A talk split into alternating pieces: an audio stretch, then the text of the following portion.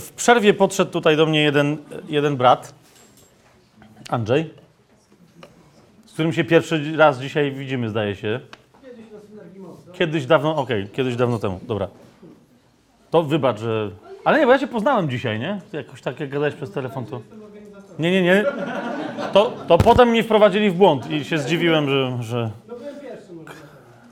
Ale e, Andrzej e, ciekawą rzecz powiedział a propos e, tego, co na poprzedniej sesji mówiłem, tego, e, że Bóg e, robi album z Twoimi dniami. Otóż e, Andrzej tu świadectwo powiedział krótkie, ale jakże dosadne, że z żoną dla, dla córki, dobrze? Dla, dla swojej córki robią dokładnie to samo. Co Bóg dla każdej i dla każdego z nas. W sensie, wiecie, ważne momenty z jej życia, nawet jak ona teraz nie wie, że to jest w ogóle ważne, tak? To tam, nie wiem, co, jakie tam są rzeczy, że odezwała się pierwszy raz, że stukła ten wazon z Dynasty Ming. Okej, dobra. No, Ale no przecież nie ma w tym albumie, który jej przygotowujecie, ani jednej rzeczy, za którą byliście na nią wkurzeni lub moglibyście być, albo które, która by je, y, ani jednej rzeczy, która by ją zawstydziła w przyszłości, prawda? To jest album miłości rodziców do swojego dziecka, tak? Teraz widzicie o co mi chodzi? Czy rodzic, który przygotowuje coś takiego swojemu dziecku, bo kocha to dziecko, czy by mu przyszło do głowy, żeby tam władować coś, czym później to dziecko oskarży? No nie, ale to teraz rozumiecie, jak czasem nasze umysły są wykręcone, że, że mimo tego, że my byśmy sami w tego typu sytuacji czegoś takiego komuś, kogo kochamy, nie zrobili, to wciąż obawiamy się, że Bóg jednak może być kimś tak strasznym. Koniec z tym. Koniec. Nie będę więcej już mówił o, o, o miłości. Myślę, y, y, że dobra, wystarczy. Zwłaszcza, że w ogóle, y, ta, wiecie, ta pierwsza sesja dzisiaj, która się odbyła, to w ogóle jej, ja nie wiedziałem, że ona się miała odbyć, no nie? Tutaj paru osobom pokazałem, że tu w krótkim planie, który tu mam zapisany, miałem zacząć od tego, o czym teraz dopiero, dopiero będziemy mówić, tak? Ale podczas modlitwy, którą zaczęliśmy, miałem jasność, że trzeba o 43, e, o 43 rozdział Izajasza bardzo mocno się oprzeć. I tutaj drugie już króciutkie świadectwo. E, przyszła jedna siostra i powiedziała, że była bardzo mocno tym poruszona, tym Izajaszem 43, ponieważ to było... Gdzie jest, jest Ewa? Gdzie ona jest? O, jest tu, dobrze. Mo- mogę to powiedzieć? Mo- Dobra. E, zwłaszcza, że no właśnie tu publiczna rzecz za tym idzie. Ewa mówi, że była poruszona, bo to jest słowo, z którym przyszła tu dzisiaj. I teraz uważajcie, znowu pierwsza sesja. Przyszła z tym słowem, rozważając, jakby to zrobić, żeby się ochrzcić, ale żeby nie musiała się przyłączać do żadnego konkretnego zboru czy denominacji. E, Ewa, pamiętasz, co ci powiedziałem, że e, e, będziesz miała znak, a pastor pastor się śmieje. No. Przestań, przestań, ochrzcimy cię, a tam się będziesz potem, wiesz. Nie, nie przejmuj się. Nie dostaniesz e, ankiety członkowskiej. nie chodzi mi o to, znowu wiecie, żeby jakąś anarchię teraz zasiewać i w ogóle się nie przyłączajcie do żadnych kościołów. Nie, tylko no, w tym wypadku rozumiem to, tak? Jest, I teraz, rozumiecie, przychodzi dziewczyna, Pierwsze spotkanie, Bóg mi mówi, nie, nie zaczynasz od tego, tylko Izajasz 43, to jest dokładnie to samo, co powiedział Ewie przed przyjściem tutaj. I przychodzi w przerwie i mówi, to co, chrzcimy się dzisiaj, nie? Aleluja! Wy jeszcze, ty jeszcze nie wiedzą. Nie, bo są pierwsi chętni. Dobrze. To potem się dogadacie w ten. Y, Ania, jakiś będziesz miała strój dla. Y, do, do chrztu? Super. Już. Siądźcie sobie.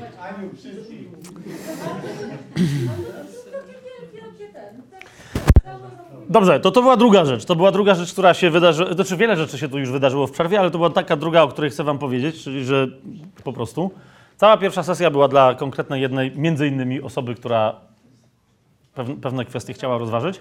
Ale też jedna która tutaj przyszła. Dziękuję, odmachała mi tam z samego końca. Która powiedziała, mówi, dobra, fajnie. I teraz wszystko, co powtórzę, po niej się z wszystkim zgadzam. Przyszła tu i mówi, dobra, fajnie. Bóg nas kocha, przepięknie. To jest bardzo ważna wiadomość i ważna rzecz do odtworzenia, cały czas przypominania sobie dla tych, którzy są straszeni Bogiem. Ale tu siostra konkretnie przyszła i powiedziała mi, że mówi, ale ja się trochę muszę zmagać z chrześcijanami, którzy są z drugiej strony, którzy z tej wieści wspaniałej i fantastycznej, że Bóg nas kocha, zrobili sobie jakąś dziwną religię, w ramach której skoro Bóg mnie kocha, to musi mi służyć. Tak? I, i teraz znowu, wie, wiesz o co mi chodzi? Po, po- niektórym zaczyna coś tam dźwięczeć Ewangelia sukcesu, typu, ale są różne, wiecie, odmiany tej historii, tak? E, skoro Bóg mnie kocha, to i nagle, wy, wiecie, zaczynają rzucać z siebie zachcianki. Czasem nie wyrzucają, ale zaczynają twierdzić, że zobacz, mi się powodzi w życiu, bo Bóg mnie kocha. A tobie, bo ty przychodzisz do takiej społeczności i to trochę tobie się gorzej powodzi, albo się może w ogóle nie powodzić, tak? I oni wtedy ci mówią, o, tobie coś się jeszcze nie powodzi. W domyśle, coś źle robisz z Bogiem. Bo on jak kocha, to wiesz, to masz wszystko, no nie? Robisz co chcesz, Bóg chodzi za tobą. Dobra, wiecie o co mi... Są ludzie, którzy trochę z tym przesadzają, są tacy, którzy trochę się plączą w tym i nie do końca, ale są też tacy, którzy tak głoszą. Wiecie o co mi idzie? I próbują y, jakby narzucać na... na, na, na a, albo właśnie, albo że mają za małą wiarę. E, Ja się na tym przyłapałem. Widzicie, że y, tu niby stoję, bo tam jak się to nagrywa, to nie wiem, jak to będzie widać. Tu, ale to wy widzicie, że ja siedzę na krzesełku barowym, tak? Y, bo jakbym sobie tu gdzieś usiadł, to by mnie w ogóle nie było widać. E, więc siedzę na krzesełku barowym, a nie stoję. Dlaczego? Bo nie mogę, y, znaczy y, y, tu już się y, ekipa za mnie pomodliła i jest z moją nogą coraz lepiej. E, Niemniej na razie ze względu na dobro tego naszego spotkania y, chciałbym, żeby to trwało, a przyznaję się bez bicia, od paru tygodni nie mogę ustać na prawej nodze. I wyobraźcie sobie, przez chyba ponad dwa tygodnie e, sam ze sobą, jak łoś kompletny, się zmagałem. Błaszkiewicz, gdzie jest twoja wiara?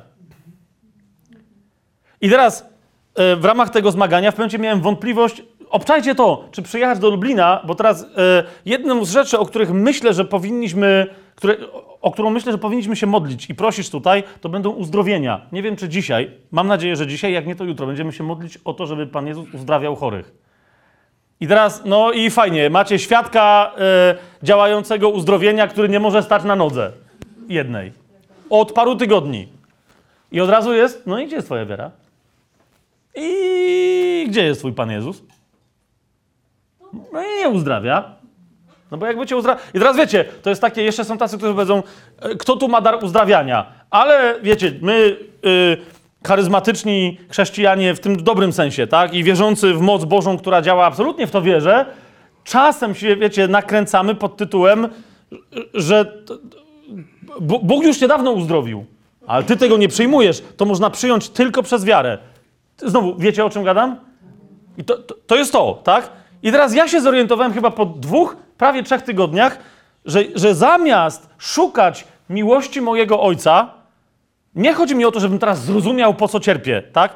Tylko jaką ścieżką on chce do mnie przyjść, żebym doświadczył uzdrowienia, to się obwiniam, że mam za słabą wiarę. I że nie wycisnąłem tego na Bogu odpowiednio szybko. I teraz, I teraz jak głupek siedzę na krzesełku barowym w Lublinie, zamiast tu po prostu latać ze swoją zwykłą swadą. I teraz to ja mówię o wierze, o mocy wiary. Niektórzy z tego robią bicz na samych siebie albo na innych chrześcijan, żeby ich oskarżać, gdzie jest twoja wiara? Nosisz jeszcze okulary. Gdzie jest twoja wiara? Weronika, gdzie jest twoja wiara? A o kiedy to się niby nawróciłaś? A wie, wiesz o co mi chodzi? To jest coś takiego. I teraz jeszcze czasem nam zaczyna brzmieć, że ej, no właśnie. I Bóg na pewno też tak gada, że mówi, ej, przecież ja już cię dawno uzdrowiłem, a ty dalej jeszcze tak łazisz? Wzięłabyś to wreszcie ode mnie. Wiara. Ale niektórzy wręcz twierdzą, że jak właśnie coś ci się źle dzieje w życiu, to jakby Bóg, że wręcz może miłość swoją jakby, wiesz, tak wyhamować. Tak jakby tak przytrzymać i dlatego ty nie doświadczasz tej miłości. I, i, i- wręcz nauczają, że dopóki nie masz się czym przed światem pochwalić, co świat zrozumie, uważajcie, co świat zrozumie, tak? Dopóki nie masz się czym pochwalić, nie pochwalisz się, że po nawróceniu byłem chory, a teraz jestem zdrowy. Teraz, czy Bóg nie uzdrawia? Oczywiście, że uzdrawia, tak? Ale historie uzdrowień są, każdy jest inny, historie uzdrowień są historiami indywidualnymi, tak? Następny powie, byłem bidny, a teraz patrzcie, pieniądze się sypią na mnie. I znowu, co? No bo Bóg mnie kocha, to jest to. Dlaczego to, takie głoszenie Ewangelii, z tym szacunkiem do tych, którzy tak robią, ale dlaczego to tak mało ludzi nawraca? Teraz o co mi chodzi? Nie, że w ogóle, bo oni powiedzą, hej, jak to nawraca? No nawraca tak samo jak, znowu, yy, nie obraźcie się niektórzy yy, na mnie, ale wiecie, jak czasem na przykład w MLM-ach czy innych tego typu koncepcjach ludzie się nawracają na dany produkt yy, albo na dany biznes, bo właśnie, bo też myślą, że będą zdrowi, yy, bogaci. Wiecie o co mi chodzi? Kto, ktoś był w takiej, no był, przecież widzę tu parę osób, no nie? To jest to samo. I potem się czują rozczarowani. Ale ile macie ludzi naprawdę szczęśliwych w swoim życiu, zdrowych, bogatych, żyjących swoją pasją, którzy się e, nabiorą e, na taką ewangelizację MLM-ową? Nie mówię, że nie ma takich, ale jest tych ludzi jest znacznie, znacznie mniej. Najwięcej znajdziecie takich, którzy mówią, że są wielkimi biznesmenami, ale potem się okazuje, że no, są wielkimi biznesmenami, ale zadłużonymi. I próbują się jakoś wykaraskać cudownym sposobem. I tak, i tak dalej. Nie, to nie są jedyne historie, znowu, żeby nie było, tak? Ale jeszcze raz, e, ci, którzy rzeczywiście to, co świat może dać, mają z innego źródła, nie potrzebują się nawracać na jakieś niby lepsze źródło, tak? Znam osobiście ludzi, którzy usłyszeli Ewangelię głoszoną w stylu od tej, od, bo wiecie, bo jest takie założenie, że niektórych ludzi, to już jest zupełne szaleństwo e, chrześcijan, że jest takie założenie, że póki nie masz Boga, to nie masz właśnie tych rzeczy, które świat może dać, tak? I n- y, gadają z kimś, kto naprawdę ma potężne pieniądze, a ci mu tłumaczą, że jak przyjmie Boga, to będzie miał pieniądze. Wiesz o co mi chodzi? I on tak, słucham, no dobra, no ale po co, no nie? po co mam zmieniać źródło? Mam inne źródło pieniędzy. Jeżeli Bóg jest źródłem pieniędzy, super, to jest dla mnie jakaś nowość, ale no, nie chce mi się ruszać. Są tacy, którzy mówią, okej, dobrze, ale wiesz, yy, młodszy się nie robisz, albo już jesteś chory, albo będziesz chory. I znowu są tacy, którzy mówią, no nie, jestem zdrowy, mam 70 lat i jestem zdrowy, bo się żywię zdrowo, piję dużo wody, oddycham świeżym. No wiecie o co mi chodzi, znowu, tak? Mają inne źródło zdrowia. Albo wiedzą, w coś tam wierzą, że się karmią światłem, no jakieś takie historie, tak? Zwłaszcza, że często, wiecie, jak ktoś o siebie dba, to tam w miarę żyje. Dopóki rzeczywiście coś go nie trafi i wtedy jak trwoga to do Boga, to się zwykle religia wtedy odzywa, no to ktoś mówi, ja mam inne źródło zdrowia. I, i wiecie, ci głoszący w ten sposób, że y, miłość Boga, że miłość Boga musi się wyrazić tym, co, o czym Biblia mówi wyraźnie, że świat ci może dać. Nie musi wcale Bóg. Pamiętacie, czym diabeł kusił Pana Jezusa? Mówi, co, chcesz, co, ci dam? Tak? Co chcesz, to ci dam. Wszystko. Pieniądze, e, władze, królestwa, wszystkie. Co, co chcesz? Tylko mnie się ukłoń. No to wtedy, wiesz, jak, jak nagle takiemu komuś, kto rozumie Ewangelię w taki dziwny sposób, jak nagle mu powiesz, że ej, są znacznie ciekawsze rzeczy, które Bóg może dać, niż to, bo to świat może dać, to diabeł przez świat może dać. To nie, Bóg tego nie musi dawać. Ostatecznie oczywiście, jak Bóg ci da pieniądze, to ci da inaczej, niż bo on ci, je też, on ci ich też przypilnuje i przypilnuje twojego serca, żeby się nie napełniło chciwością. Pokaże ci, po co ci dał te pieniądze, gdzie mają dalej trafić, komu mają pomóc i tak dalej. To, ale to, teraz to zostawiam, tylko widzicie, Biblia wyraźnie mówi, że jasnym znakiem obecności Boga i Jego miłości jest Twoja pewność, Twoja nieustraszoność, Twój absolutny wewnętrzny pokój w obliczu rzeczy, wobec których ludzie światowi pękają. Tak? To, to o tym Biblia mówi. Niektórzy, wiecie, głosząc e, Ewangelię sukcesu, mówią, przecież list do Filipian mówi wyraźnie, wszystko mogę w tym, który mnie umacnia. I potem zaczynają jakieś głupoty głosić na temat tego, że jako chrześcijanin masz prawdziwy sekret, znasz prawdziwe prawo przyciągania i wtedy, co se nie zażyczysz, to Bóg ci po prostu będzie sypać z rękawa po prostu, bo, bo Bóg cię musi słuchać. No a tymczasem list do Filipian mówi o czymś innym, tak?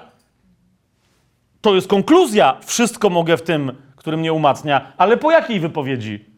Że mogę być biedny i mogę być bogaty. Mogę być syty i mogę głodować. Mogę być up i mogę być down. Tak? I to nie ma dla mnie żadnego znaczenia, ponieważ w każdym z tych położeń będę tak samo szczęśliwy i tak samo spokojny, tak samo silny i tak samo pewny siebie. Słyszycie, co, co, co mówię? Co Jezus powiedział? Błogosławieni, którzy mają pieniądz, bo będą se mogli coś za niego kupić. Tak powiedział? Powiedział, błogosławieni, którzy są zdrowi, bo nawet jakby coś przychorowali, to i tak ich uzdrowię, żeby ich nic nie szczykało. Tak powiedział?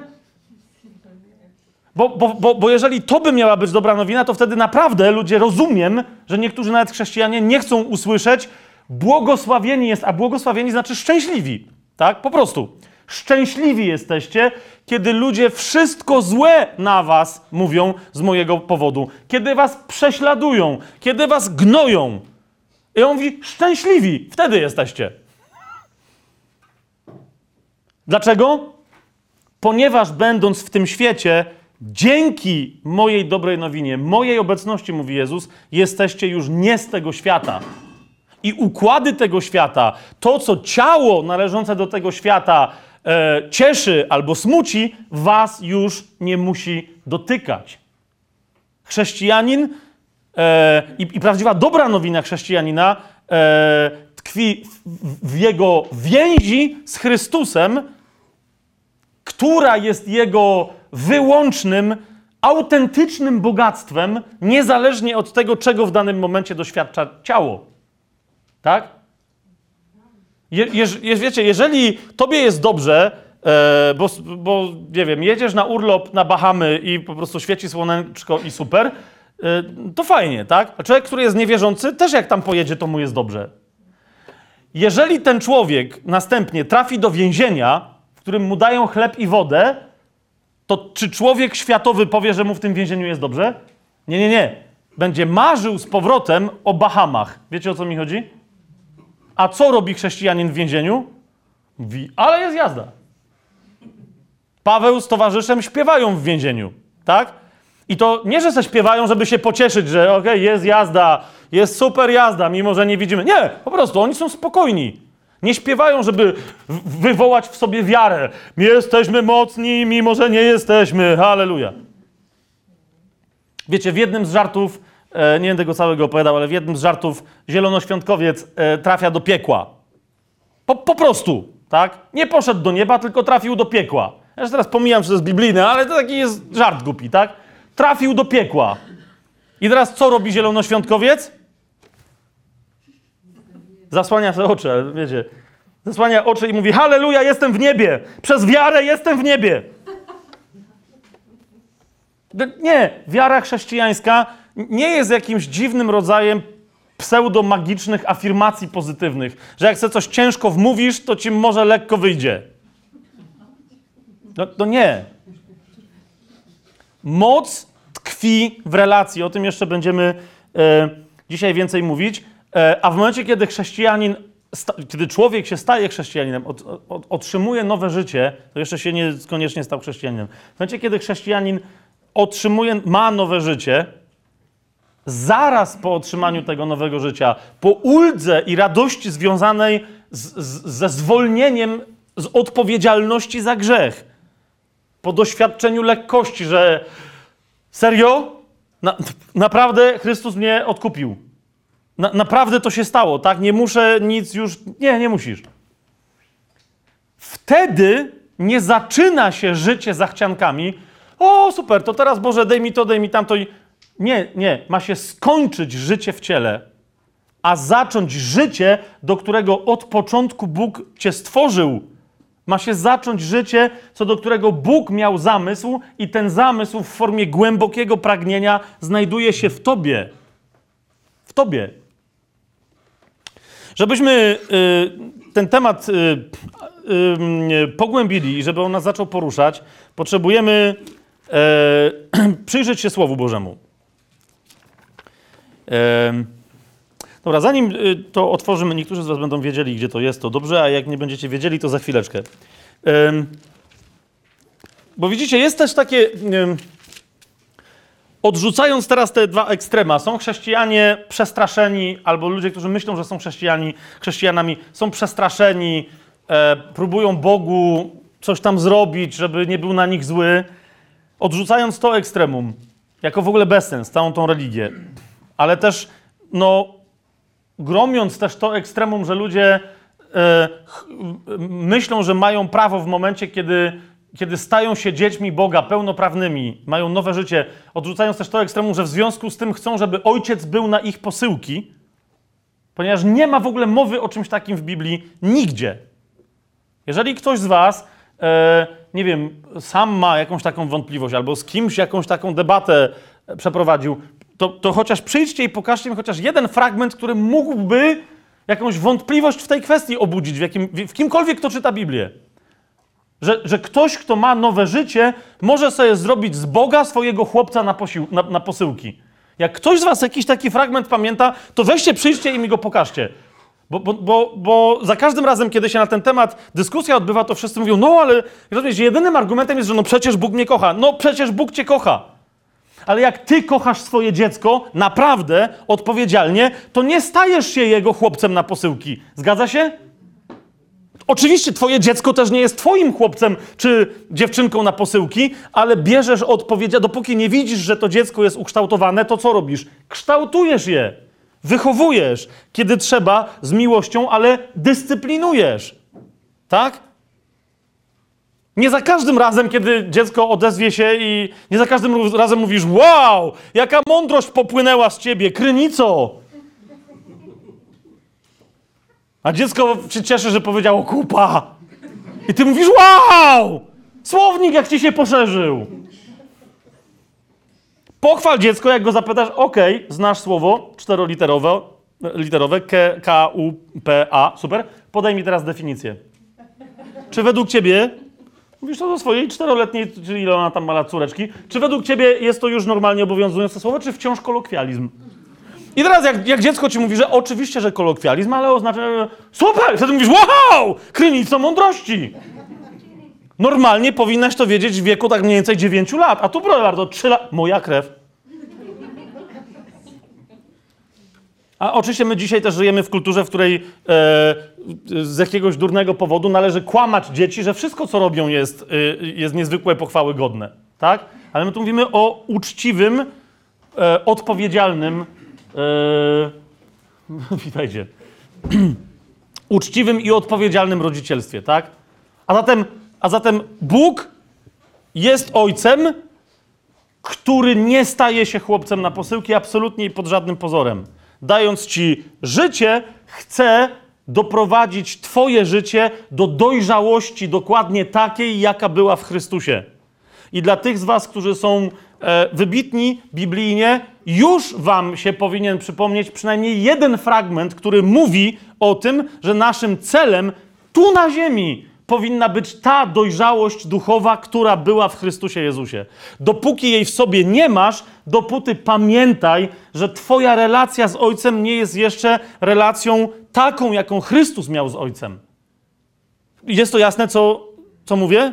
Dobra. I teraz e, chciałbym, żeby to nasze rozważanie e, oparło się, bo niektórzy mówią, dobra, to jest jasne, ale i tu się pojawia taki, też często taki, taki, takie dziwne wypośrodkowanie, że no, ale wiesz, ale, no, ale my mamy w sobie pragnienia. Bóg, y, wiesz, no, zachcianki to nie, ale mamy marzenia. Mamy marzenia. Głębsze, nie te takie MLM-owe, no nie, że, że, że Bahamy, że, że jacht, że super samochód, ale, ale mamy prawo mieć takie głębsze, bardziej duchowe marzenia, typu jacht z krzyżykiem, czy coś takiego. Ja no, żartuję. E, Ale mamy mieć prawo takie, takie duchowe bardziej... E, I to się wyraża między innymi w różnych talentach, które Bóg nam dał, tak? E, a jeszcze, jeszcze raz powtarzam, te talenty są często przemieszane z marzeniami jakimiś duchowymi. Jakieś dziwne nauczania się na ten temat e, pojawiają. Przyznaję, że sam kiedyś e, z parę razy miałem dziwne nauczanie na temat talentów. Jeszcze w czasach e, katolickich. E, no i tu oczywiście, skoro o tym mówimy, to się zawsze pojawia, no, no a co, nie, e, a e, ten? E, Przypowieść o talentach? Jest przypowieść o talentach? Bóg dał każdemu różne talenty, zgadza się? Tak? Super, już mi masa osób pokiwała. Je- Jeden tylko mówi, e, nie wiem, chyba nie. Ale cały czas jest takie, wiecie, potoczne przekonanie, że no jest przypowieść o, przypowieść o talentach. Co to jest talent? No talent to jest indywidualne uzdolnienie. Eee, no to chyba o tym jest ta przypowieść. Chciałbym, żebyśmy y, się przyjrzeli tej przypowieści. Ona jest niezwykle istotna wobec tego, e, co to znaczy, e, że Bóg nie jest, że nas bardzo kocha, ale że ta miłość jest miłością właściwą, najlepszą, najmocniejszą, najcudowniejszą, ojcowską. I że to nie jest spełnianie naszych zachcianek, ale coś zupełnie innego. To jest y, Ewangelia Mateusza, 25 y, rozdział. Jak y, sobie zechcecie razem ze mną ten 25 rozdział Ewangelii Mateusza otworzyć. Ja cały czas wam przypominam, bo tu jest, widzę, wciąż dużo, okej, e, Biblii warszawskich. E, to, to moje tłumaczenie może być nieco inne, czy tam wręcz tekst czasami może być nieco inny, bo to jest uwspółcześniona Biblia Gdańska. Więc otwórzcie sobie przypowieść o, o talentach, Mateusz 25 rozdział, 14 werset. Od 14 wersetu się ta przypowieść y, zaczyna. Jak większość przypowieści Pana Jezusa, dowiadujemy się, że przypowieść o talentach tak naprawdę jest tylko kolejną przypowieścią na temat królestwa, które nadciąga. Na temat królestwa, które nadciąga. E, jak jeszcze ktoś z Was by, nie wiem, y, y, jakąś tu chciał później jakąś debatę odbywać, że e, królestwo to jest obecność Ducha Świętego we mnie, to jest duchowa rzeczywistość, bo Królestwo Boże to nie jest sprawa tego, co się je i pije, ale to jest sprawiedliwość, pokój i tak dalej w Duchu Świętym. To jest wszystko prawda, ale jeszcze raz w samej tej Ewangelii Mateusza, jak Jezus mówi o znakach końca tego wieku, mówi, że kiedy te rzeczy zaczną się dziać, wiedzcie, że królestwo jest już blisko. Sprawdźcie to sobie, choćby tylko w Ewangelii Mateusza, tak? A mówi wyraźnie, że coś, co się zaczyna jak ziarno wrzucone głęboko w ziemię, następnie wyrasta ponad tę ziemię jak, ogromny, e, jak ogromne drzewo i jest widzialne e, dla wszystkich i ma konkretne fizyczne struktury. Więc jeszcze raz, tu mówimy o złożonej rzeczywistości e, królestwa i o pewnym jej aspekcie, który się tyczy nas tutaj, teraz. Ludzi zbawionych. Otóż, tak, od, od 14, najpierw sobie przeczytajmy tę te, te przypowieść. To jest 25 y, rozdział od 14 wersetu. Królestwo niebieskie bowiem, bo normalnie to, co wszyscy nazywają Królestwem Bożym, y, Mateusz rozróżnia z pewnego powodu, to będziemy o tym więcej pewnie na wykładach tajemnego planu mówisz, dlaczego tak jest, ale Mateusz, y, będąc Żydem piszącym dla Żydów, rozróżnia między Królestwem Niebieskim a Królestwem Bożym i to jest naprawdę, y, jestem co do tego przekonany, celowe rozróżnienie w tym przypadku, kiedy mówi do ludzi, którzy znają Pismo, tak? Ale na razie to zostawmy i czytamy. Królestwo Niebieskie bowiem podobne jest do człowieka, który odjeżdżając zwołał swoje sługi i powierzył im swoje dobra. Jednemu dał pięć talentów, drugiemu dwa, a trzeciemu jeden, każdemu według jego zdolności i zaraz odjechał. Widzicie ten piętnasty werset razem ze mną? Czy ci ludzie dostali jakieś różne rzeczy? Jeden dostał owce, drugi dostał młyn, e, a trzeci biznes szkoleniowy? Czy to co dostali? Każdy dostał dokładnie to samo, czyli kasę.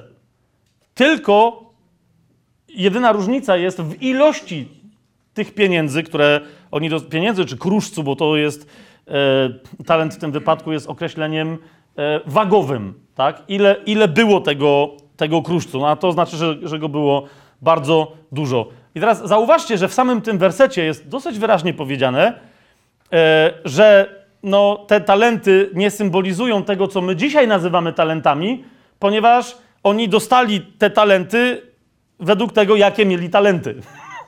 No bo jest tam wyraźnie napisane, że każdemu dał według jego zdolności i zaraz odjechał. Więc mieli różne zdolności, tak? E, także do operacji pieniędzmi, ale to nie tylko o, o tę zdolność chodzi. I odjechał. Więc to jest pierwsze pytanie, czym wobec tego są te pieniądze, które odjeżdżający pan, jakiś człowiek, porozdawał swoim sługom. Tak? A idziemy dalej. No teraz coś, co niby wszyscy bardzo dobrze znamy, ale wejrzyjcie uważnie w ten tekst. Ten, który otrzymał pięć talentów, poszedł, obracał nimi i zyskał drugie pięć talentów. Tak samo i ten, który dwa otrzymał, zyskał drugie dwa. Ten zaś, który dostał jeden, poszedł, wykopał dół w ziemi i ukrył pieniądze swojego pana. A po dłuższym czasie przybył pan tych sług i zaczął się z nimi rozliczać. Wówczas przyszedł ten, który otrzymał pięć talentów, przyniósł drugie pięć talentów i powiedział: Panie, powierzyłeś mi pięć talentów, oto drugie pięć talentów zyskałem. I powiedział mu jego pan: Dobrze, sługo dobry i wierny. W niewielu rzeczach byłeś wierny, nad wieloma cię ustanowię. Wejdź do radości swojego pana. Tu przy okazji chcę Wam zwrócić uwagę na słowo wierny, e, ponieważ nie, niekoniecznie akurat w tym, w tym e, miejscu, ale widzicie, my, ma, mamy takie słowo jak wiara w języku polskim. Mamy? Ono po grecku, a już zwłaszcza po, po, po hebrajsku, e, zasadniczo jest bardzo mocno związane, podobnie jak w polskim, tylko że my tego nie widzimy. Słowo wiara jest związane ze słowem wierność. I naprawdę równie dobrze można byłoby przetłumaczyć y, tutaj między innymi to sformułowanie z pewnych względów. Nie będę teraz, wiecie, się bawił w jakieś językowe zagrywki, ale kto jest wierzący, ten jest wierny. Po tym poznasz, że ktoś jest wierzący w coś, kiedy jest wierny temu, w co wierzy, albo temu, w którego wierzy. Mamy wielu chrześcijan, którzy twierdzą, że są wierzący, a nie bardzo widać, w co albo w kogo są wierzący, kiedy byśmy mieli przesądować ich wierność. Jasne to jest? Tu macie, widzicie, sługę, który jest wierny, a więc to jednocześnie jest automatycznie sługa, który, który wierzył w swojego Pana, wierzył, jak zaraz to jeszcze zobaczymy, wierzył w jego powrót. Jakby w jego powrót nie wierzył, wiecie, to, by, to, to po co by się rzucał, tak? Przepuściłby te pieniądze, coś tam by robił, ale nie walczyłby o nie, wiedząc, że wróci Pan i oceni, jak mocno on tymi pieniędzmi pracował, tak? Idziemy dalej. Mm, yy, 21 werset. Yy, 22. Przyszedł i ten, który otrzymał dwa talenty i powiedział, panie, powierzyłeś mi dwa talenty, a oto drugie dwa talenty zyskałem. powiedział mu jego pan, dobrze, sługo dobry i wierny. Zauważcie, zauważcie, czy pochwalił go jakoś inaczej niż tego, który zarobił więcej? Nie. Powiedzi- powiedział mu dokładnie tak samo, tak? Y, bardzo istotna uwaga. Jeżeli później dojdziemy do tego, co to są te talenty, to zauważcie, że liczy się sam fakt ich pomnożenia, a nie ile kto na końcu przyniesie, tak? Sam fakt ich pomnożenia w porównaniu do tego, ile kto dostał, a nie w porównaniu do innych. Oczywiście od razu się niektórym z Was odpalą i słusznie te wszystkie fragmenty, w których Słowo Boże mówi: Nie porównujcie się ze sobą nawzajem. Tak? Nie porównujcie się. Patrzysz na kogoś się porównujesz, że on ma. I teraz nie chodzi mi o materialne rzeczy, ale że duchowego obdarowania ma więcej, że bliskości z Bogiem ma więcej, a ty masz mniej, albo ktoś coś. I teraz, rozumiecie, nigdy na to nie patrz. Punktem wyjścia dla ciebie mają być Twoje talenty, ich ilość, którą Pan Tobie dał. Ilu dzisiaj mamy chrześcijan, którzy, jak, jak niektórzy z Was nie wiedzą jeszcze o co chodzi z tymi talentami, to zaraz się okaże, ale jeszcze raz.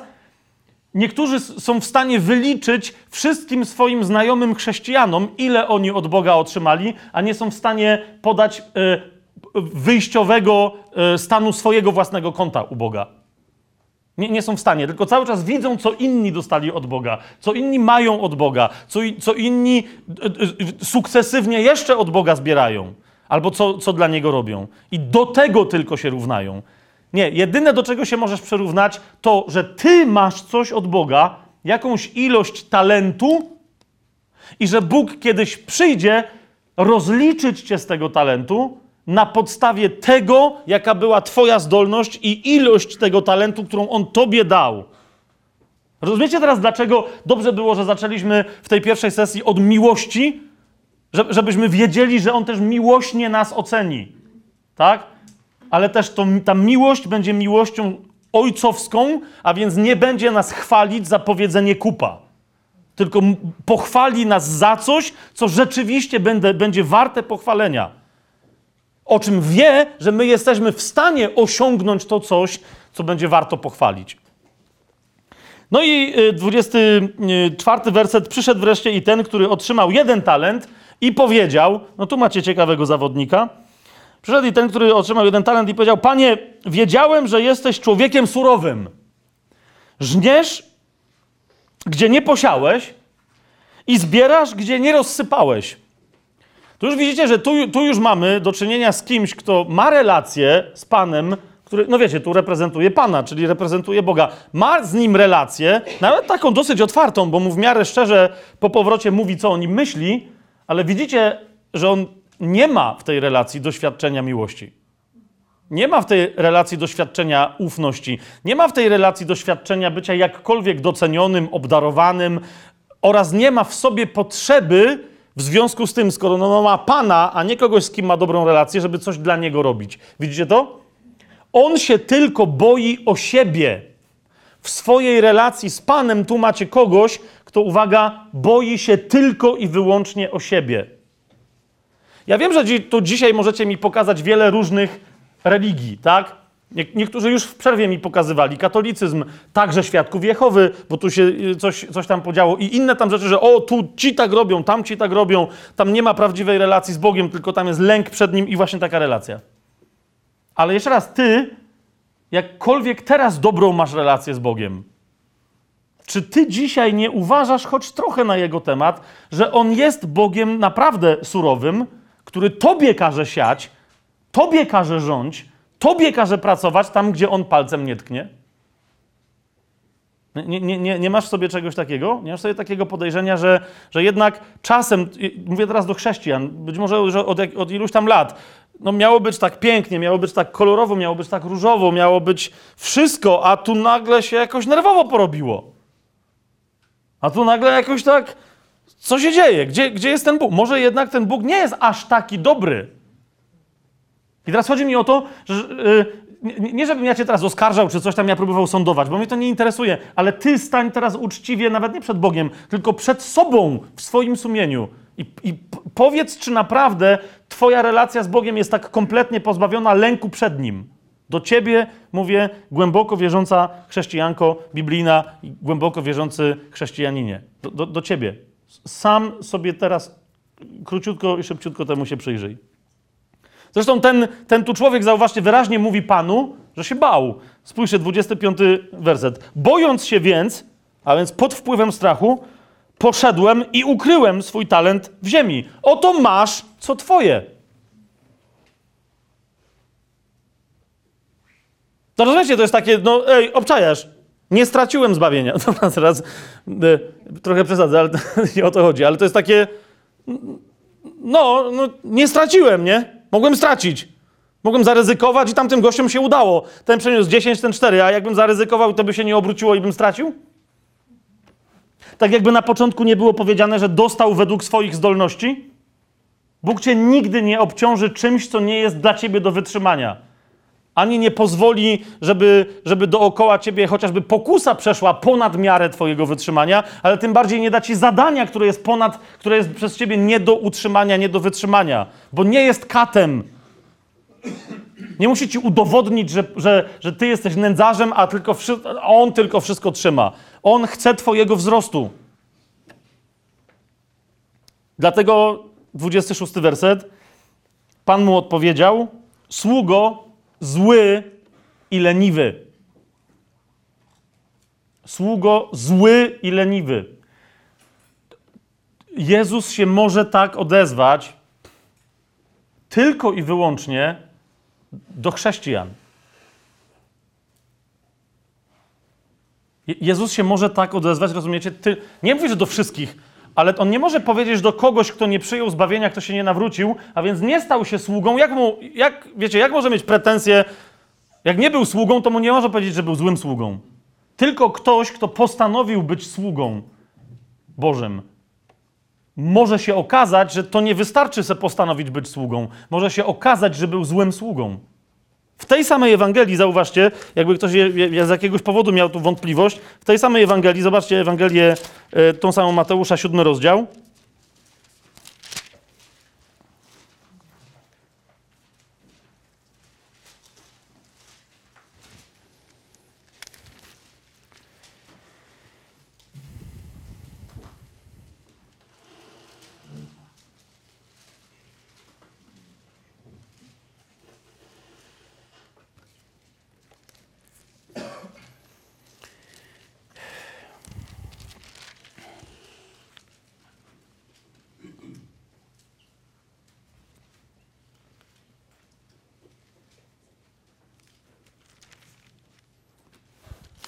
Dobra, albo wiecie co, bo, bo tu widzę, że jak jeszcze w to wejdziemy, to będziemy mieli...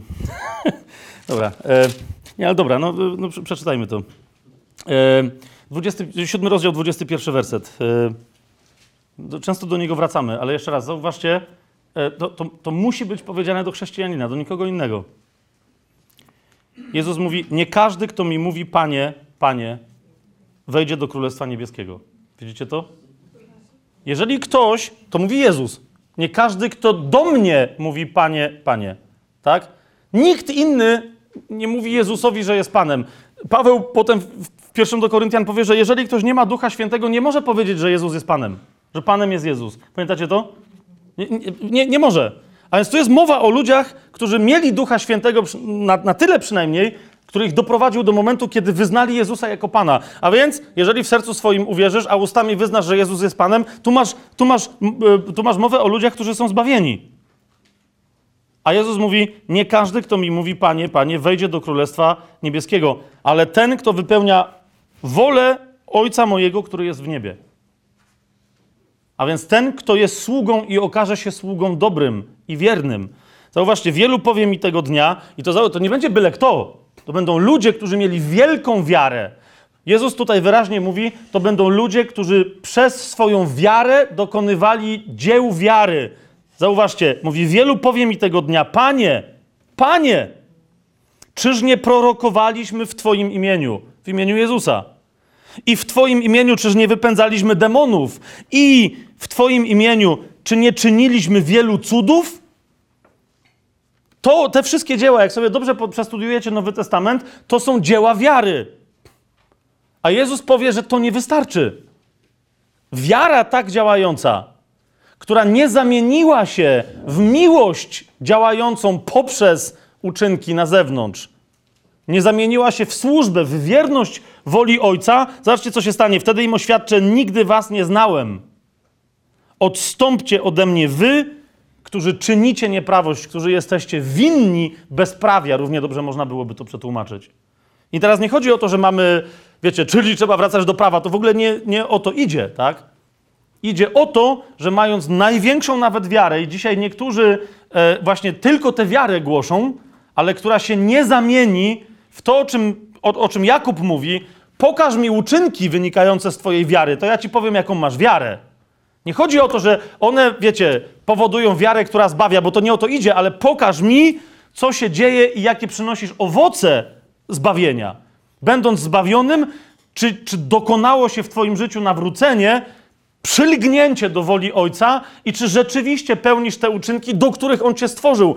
Po to jesteś zbawiony, żeby wreszcie żyć swoim życiem. Czy po prostu mówisz, mówisz sobie, dobra, okej, teraz muszę pilnować tylko tego, co mam, nie mogę nic więcej zrobić.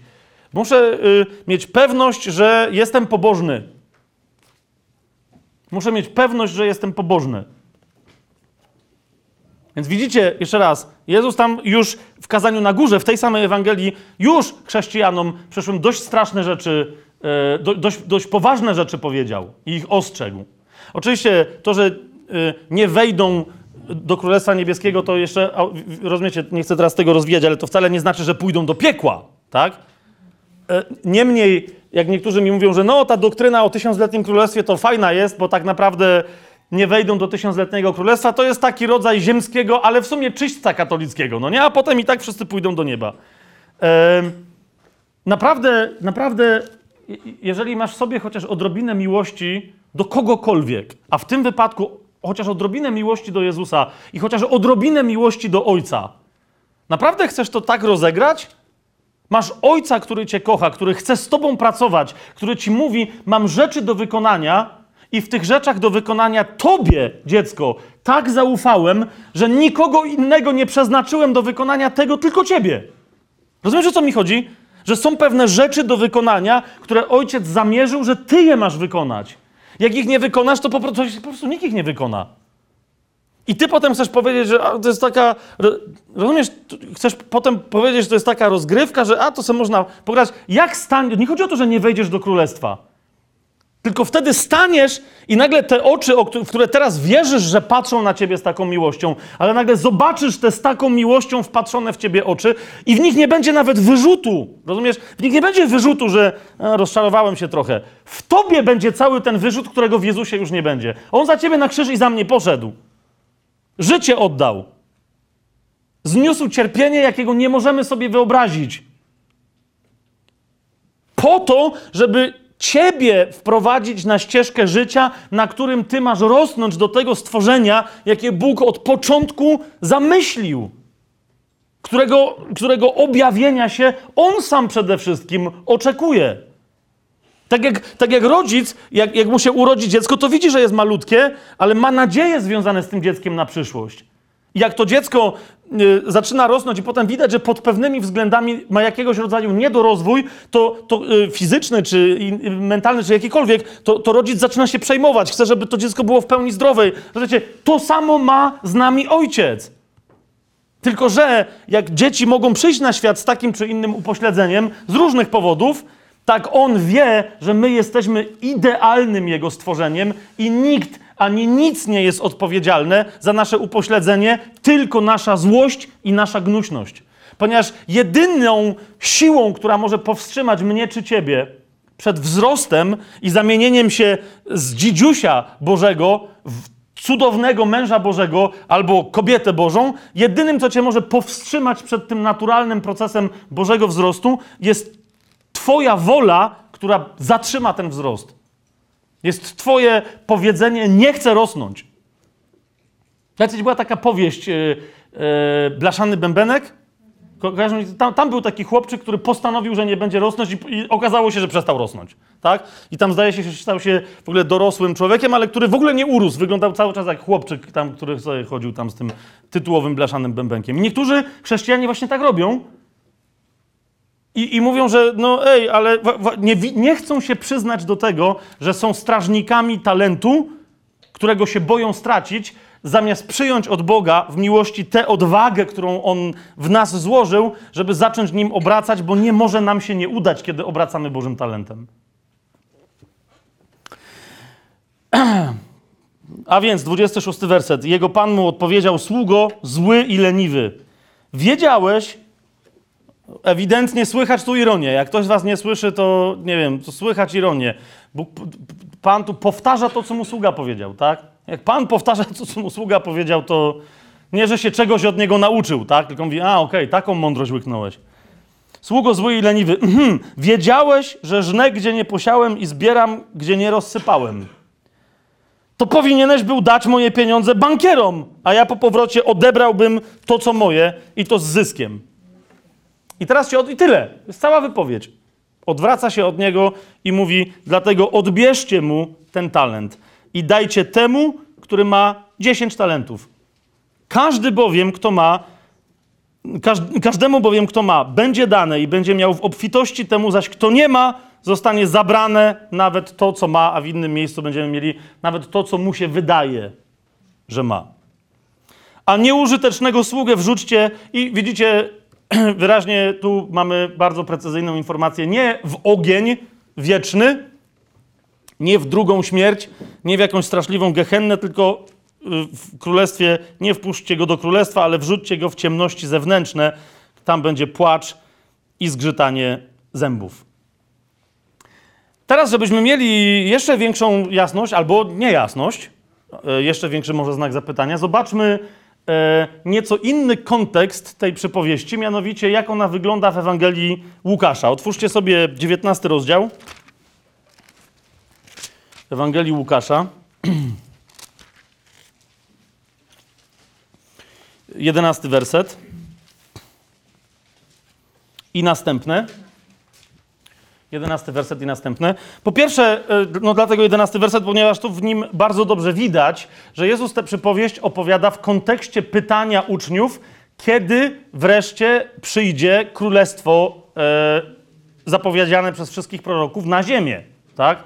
Jeżeli Jezus jest Mesjaszem, a oni tu są na etapie, że no, zdaje się, że jest, Piotrek powiedział, że jest, to jeżeli tak jest, no to kiedy w takim razie ustanowisz wreszcie to królestwo swoje, tak? Zobaczcie, yy, zaczyna się yy, ta cała historia w, od tego fragmentu, od stwierdzenia, a gdy oni tego słuchali, opowiedział im dodatkowo przypowieść, dlatego że on był blisko Jerozolimy, a oni myśleli, że wnet ma się objawić Królestwo Boże. Widzicie to, tak? A więc wyraźnie oni, no, skoro tak myśleli, to też pewnie dali mu znać o tym, a jak mu nie dali znać, to i tak Jezus dobrze wiedział, e, o czym w, w wielu miejscach Ewangelii nam zaświadczają, że wiedział, co ludzie myślą, więc wiedząc o tym, odpowiedział im, że zaraz, zaraz powoli, tak?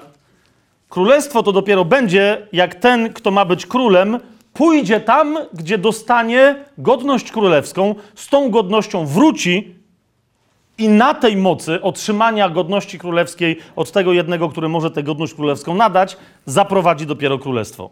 I zauważcie, tak też brzmi ta informacja w, y, w, w tym, zobaczcie od 12 wersetu. Mówił więc, pewien człowiek, i tu Jezus mówi o sobie, pewien człowiek szlachetnego rodu, 19 rozdział, 19 rozdział Łukasza.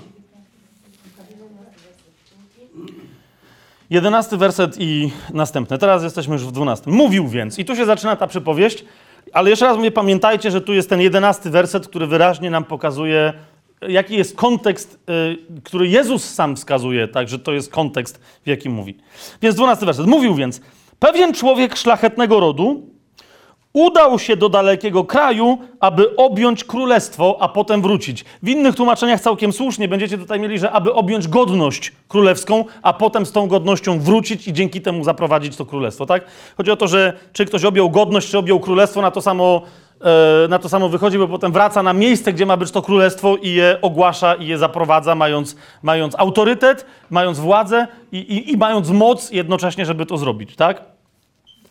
E, Jak poczytacie na przykład e, list do Filipian, tam gdzie jest mowa o całym przejściu Jezusa, jak to nie skorzystał ze sposobności, aby e, pozostać w postaci Bożej, ale stał się człowiekiem, zszedł, uniżył się i na powrót został wywyższony i teraz On jest Panem i na Jego imię musi się zgiąć wszelkie kolano istot niebieskich, ziemskich i podziemnych, to widzicie, o co Jezusowi tu chodzi, kiedy mówi o tym apostołom którzy, i uczniom, którzy jeszcze tego nie rozumieją, tak? Ale im mówi o tym, że on musi przejść swoją drogę przez śmierć, przez pogrzeb, przez zejście do otchłani, przez bycie wywyższonym, tak, na, y, y, do nieba i dopiero potem stamtąd, jak, jak aniołowie powiedzieli na początku dziejów apostolskich, mówią do, do uczniów, tak jak go widzicie wstępującego, tak też zstąpi, tak.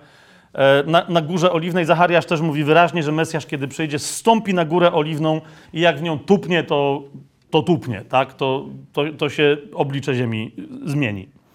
Więc Jezus o tym mówi, tak? Że, że On będzie musiał w pewnym momencie odejść, bo taki jest plan Boży, zanim przyjdzie to ziemskie królestwo, tak? I, i, i objawienie pełne chwały. Ale co wtedy się ma dziać? I teraz zauważcie, nie wiem, czy zwróciliście na to kiedykolwiek uwagę, mamy tutaj inną liczbę ludzi, inną liczbę sług. Masa ludzi zupełnie tego nie zauważa i, i czasem jak z pamięci mówią, to mówią, że u Łukasza jest tak samo trzech sług, jak u Mateusza. A tu jest ilu? A przywoławszy dziesięciu swoich sług, dał im dziesięć grzywien i powiedział do nich, obracajcie tymi grzywnami, aż wrócę. Widzicie to? Jest 10 osób, które dostają, i w tym wypadku każdy dostał po jednej grzywnie, albo wy będziecie tam pewnie mieli miny, tak? I No i dobrze. I teraz zauważcie, co się dzieje, bo tej historii nie było w, w, w tej wersji u Mateusza, bo on się nie zajmował, on pisze do Żydów, tak? A więc zakładając też do tych ludzi, którzy wiedzą o co chodzi, wiedzą kto to jest Mesjasz i którzy go przyjmą, tak?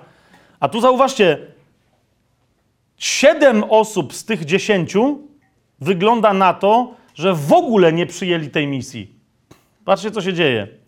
Czternasty werset. Lecz jego poddani nienawidzili go i wysłali za nim poselstwo ze słowami: Nie chcemy, żeby ten człowiek królował nad nami.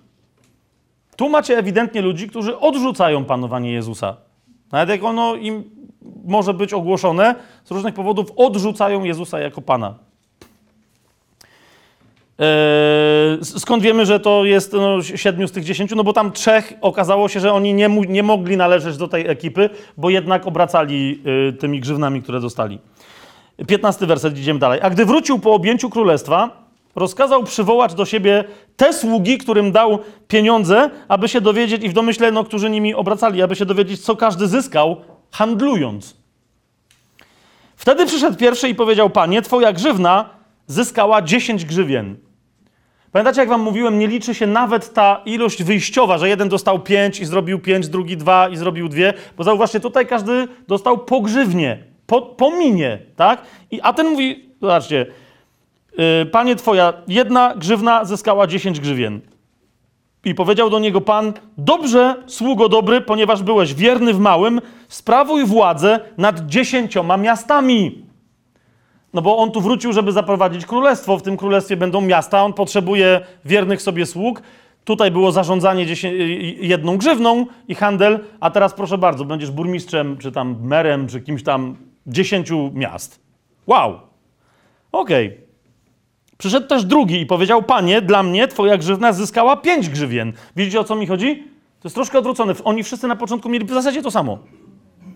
Uzyskali inny wynik. Czy wobec tego pan mu powiedział, że a, ty jesteś troszkę słabszy niż tamten?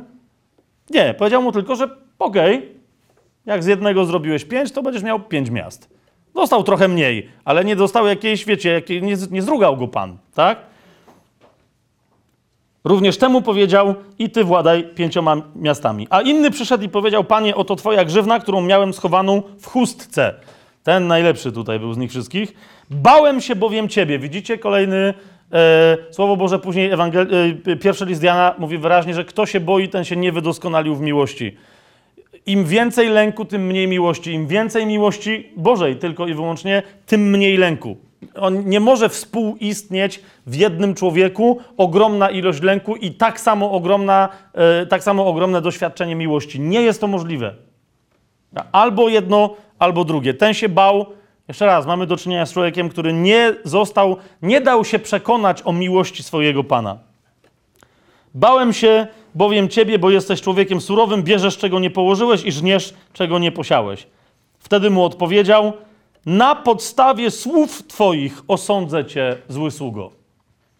Zobaczcie, co się tu dzieje. Jeżeli ci ludzie, jeżeli ci ludzie to są chrześcijanie, znowu, no bo są sługami, którzy dostali grzywny i nie są tymi, którzy powiedzieli: Nie, nie chcemy tego człowieka za naszego króla to widzicie, yy, to, to jest sąd Chrystusowy. I, i, I ewidentnie pada tutaj słowo na podstawie Twojego wyznania, Twoich czynów i Twojego wyznania wiary, muszę Cię potraktować sprawiedliwie. Na podstawie słów Twoich osądzę Cię, zły sługo. Wiedziałeś, że jestem człowiekiem surowym, który bierze czego nie położył i żnie czego nie posiał.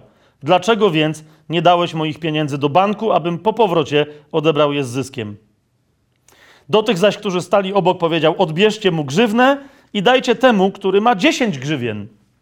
Odpowiedzieli mu: Panie, ma już dziesięć grzywien. Zaprawdę powiadam wam, że każdemu, kto ma, będzie dodane, a temu, kto nie ma, zostanie zabrane nawet to, co ma. I tu się dopiero Pan Jezus odnosi do tych, co w ogóle wołali za nim, że nie chcą go za króla. lecz tych moich nieprzyjaciół, którzy nie chcieli, abym nad nimi panował, przyprowadźcie tu i zabijcie na moich oczach. To jest śmierć druga, dodałbym, jeżeli rozumiecie o co mi chodzi. To jest śmierć druga. Ten zły sługa nie został zabity. Został tylko osądzony na podstawie swoich, swoich słów. Ci, którzy y, zostali tu uznani właśnie za buntowników, oni zostali zabici przez króla, który powrócił. I teraz, i, teraz, czy jak widzicie teraz te dwie przypowieści, naprawdę idzie tutaj o jakiś ro, rodzaj Bożego mam talent? O jakiś, jakiś rodzaj Britain Got Talent? America's Got Talent? Że że to jest jakiś, wiecie, festiwal, na którym Bóg dał każdemu temu, tego nauczył tańczyć, tamtego śpiewać, a jeszcze jeden maluje albo rysuje po piasku? Nie. Nie. Tu macie ludzi, którzy w jednej przypowieści dostają różne ilości czegoś. Tu macie ludzi, którzy dostają wręcz na początku te same ilości tego samego. A następnie, zauważcie, nie mogą się w, w, wyłgać w żaden sposób przed Bogiem, że On coś. Nie. Sytuacja między takim człowiekiem a Bogiem jest prosta. Dostałeś ode mnie, co z tym zrobiłeś? Co z tym zrobiłeś?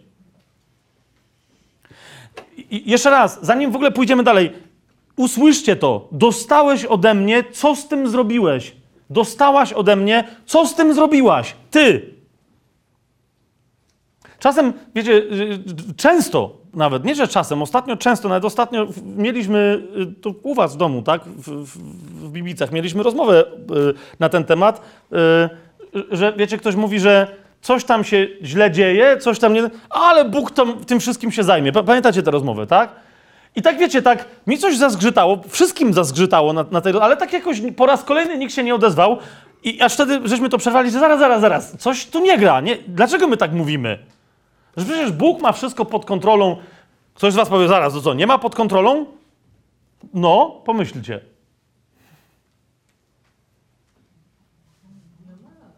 No pewnie, że ma. I z drugiej strony oczywiście, że nie ma.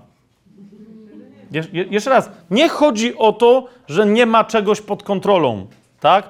Bóg jest przy mnie, Bóg jest przy tobie, chce nam pomagać, chce z nami współpracować, ale Bóg nie jest od tego, żeby w momencie, kiedy daje ci zadanie dla wzrostu, w momencie, kiedy daje ci szansę i okazję, żeby wydorośleć w wierze, nie jest od tego, żeby to coś zrobić za ciebie. No, w takiej no przychodzi. Yy, yy, nie czekajcie, nie, bo szkoła to nie jest dobry przykład. To, to nie jest dobry przykład. Chcesz nauczyć, teraz mówię do, do mężczyzn, chcesz nauczyć swojego syna jazdy na koniu. Mój tata mnie nigdy nie nauczył jeździć na koniu, bo nie jeździł, a, ale chciałbym mieć tatę, albo nie, chociaż dziadka, który by mnie nau... mnie nigdy nie nauczył jeździć na koniu. A zawsze chciałem, żeby mnie ktoś nauczył, ale nie tak, wiecie, w jakimś klubie jeździeckim, tylko mieć jakiegoś, wiecie, relację z facetem, który by mnie nauczył, jak to się robi, tak? Się jeździ na koniu. Chciałem być kowbojem albo Indianinem, nieważne, ale jeździć na koniu. Jak chcesz nauczyć swojego syna jeździć na koniu, to co robisz? Panowie? Sadzasz go na konia. Tak? Dobra, widzę, że koń to jest jakieś, jakieś odległe zjawisko. Rower! Chcesz nauczyć jeździć swojego syna na rowerze. Albo córkę, już żeby dobra, jakiś taki seksizm mi się tutaj wdarł, no nie? Chcesz nauczyć swoje dziecko tej czy innej płci. Są tylko dwie. Biblia nie uznaje żadnej trzeciej. Tak?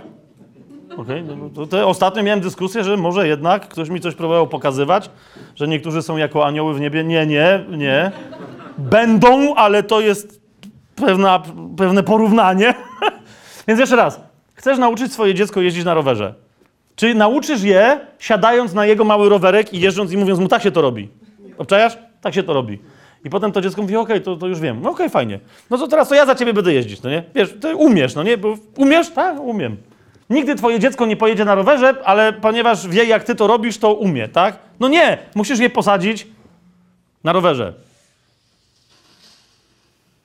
Czy w związku z tym, czy w związku z tym, e, ono jeździ na tym rowerze, czy w związku z tym y, ty nie kontrolujesz tej sytuacji?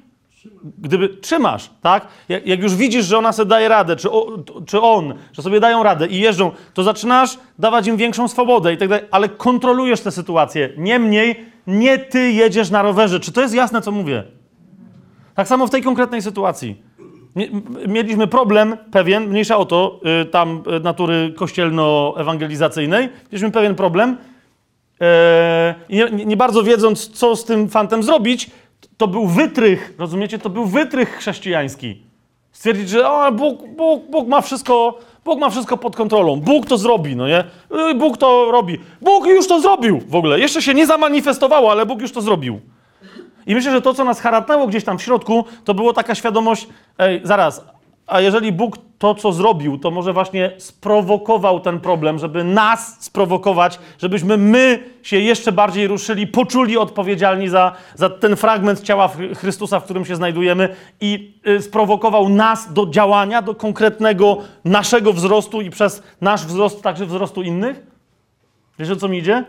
Rzucanie wszystkiego, że wszystko e, Bóg zrobi. E, to jak to, to teraz ja jestem sama, czy sam? Nie, nie o to idzie. Ale Bóg, jeszcze raz zauważcie, je- jeżeli ta jedna rzecz miałaby ci zostać z przypowieści o talentach, że Bóg ci coś dał, coś, nie, że teraz je- jeszcze, jeszcze, to nie jest istotne co, ale Bóg ci coś dał, do, Bóg coś wkłada w twoje ręce i oczekuje twojej odpowiedzialności.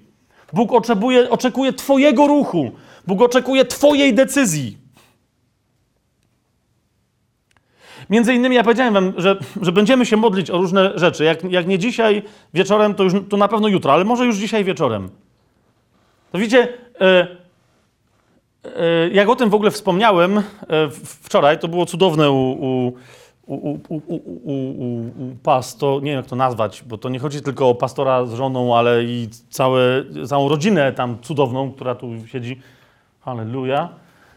To jak żeśmy rozmawiali o tej modlitwie dzisiaj, widziałem, to było genialne doświadczenie dla mnie, widziałem ulgę, zwłaszcza, no na, na twarzach wszystkich tych tu wierzących, rozumiecie, kiedy powiedziałem, że no, jest takie, mamy takie rozpoznanie, że trzeba byłoby się pomodlić, może o chorych, może coś, i mówię, ale, ale nie będzie nikt na nikogo kładł łap. Nie chodzi o to, że jest coś złego, że ludzie na siebie kładą ręce, tylko chodzi mi o to, żeby, wiecie, żeby to nie była kolejna ekipa, zaraz przyjechała, już teraz już nie przyjechaliśmy Madzia ze mną, tylko już przyjechaliśmy w cztery osoby z Krakowa, rozumiecie? To już jest taki team, no nie? Przyjechał team, no to teraz będzie, wychodzicie do przodu, tak? I ja tu będę kładł ręce, a jak ktoś się wstydzi, to mamy dwie dziewczyny i będą z tyłu kładły, i będą tam padać ludzie, i będą tam coś. Nie! Nie, teraz, dobra, bo się zacząłem trochę nabijać z pewnych... Nie. Chodzi mi o coś innego. Chodzi mi o coś innego. Że je, jeżeli ma się objawić obecność Boża działająca, w, w, obe- obecność Pana Jezusa działająca w Jego ciele, w Jego kościele, to nie ma żadnego wielkiego, mistycznego męża Bożego, ani Bożej mężyny, która by, rozumiesz, miała większe obdarowanie niż ta społeczność konkretnie tutaj. Ja mówię, ona osobiście może mieć większe obdarow- obdarowanie, rozumiesz? Ale to nie może być tak, że Bóg ci musi przysłać kogoś z Brazylii, chociaż akurat ja osobiście mam jednego teraz człowieka na myśli, czyli Reinharda y, na myśli, który przyjeżdża z Brazylii. Ja się bardzo cieszę, że go Bóg przysyła z Brazylii, tak? I akurat raz czy drugi, osobiście bardzo mi ten człowiek posłużył. Wiecie o co mi chodzi? Więc czasem tak jest, że Bóg cię może przysł- przysłać kogoś z Brazylii. Ale idzie mi o to, że twój kościół, twoja społeczność, twój zbór, twoja, nie wiem, grupka domowa mała, ile tam osób nie masz przy sobie, nie może być uzależniona od jednego obdarowanego mistyka czy charyzmatyka z drugiego końca świata. Po, po, po prostu, tak? Jeżeli tak jest, to znaczy, że to nie jest prawda. To znaczy, że ten. Że, to nie chodzi o to, że jest problem z tym, kto przyjechał z drugiego końca świata i wszyscy do niego lgną, o, ten ma dar uzdrawiania, chodźmy do niego. Chodzi o to, że, że ci, którzy mówią, że o to jest jedyne możliwe rozwiązanie, upośledzają swoją część ciała Chrystusa. Tak? Bo, bo jeżeli, jeżeli gdzieś jest dar uzdrawiania, to też tu jest, albo go w ogóle nie ma, Albo jeżeli jest, to jest w, w całym ciele Chrystusa tak dany, aby wszyscy mieli do niego, do niego zawsze dostęp, tak? Jeżeli wszędzie w ciele Chrystusa jest dar nauczania, jest dar prorokowania, jest dar zarządzania dobrami, jest dar miłosierdzia, dary, o których jeszcze pewnie dzisiaj będziemy później znacznie mówić, to one muszą być wszędzie i Bóg ich obficie udziela całemu, całemu ciału Chrystusa, a nie wyznacza sobie jednego chłopka czy, czy, czy, czy chłopineczkę i, i ona teraz, ona jedna albo on jeden muszą obsłużyć pół świata, rozumiecie? On musi obsłużyć pół świata. Jest pytanie, czy to jest pomysł tego, kto jeździ, żeby obsłużyć pół świata, czy te pół świata chrześcijańskiego ma coś niepoukładane? Rozumiecie, o co mi chodzi? A więc, jeszcze raz, jest w nas coś złożone. Yy, Już powinna być przerwa, nie? O, już powinna być. Więc jeszcze nie powiem co. Ale już jesteśmy bardzo blisko, tak? Wraz z tym czymś, e, i to tam różne rzeczy w nas złożone, ale jest, jest, są, są pewne absolutnie fundamentalne kwestie w nas złożone. Wraz z tym czymś jest złożona w nas miłość Boża i Boże zaufanie do nas. Boże zaufanie do Ciebie i Boże zaufanie do mnie. Boża pewność, że Ty się wreszcie z tym czymś, co Bóg z siebie wyjął i Tobie dał. Rozumiesz, Bóg wziął kawałek swojego serca, dał Tobie do ręki i mówi: służ tym kawałkiem mojego serca.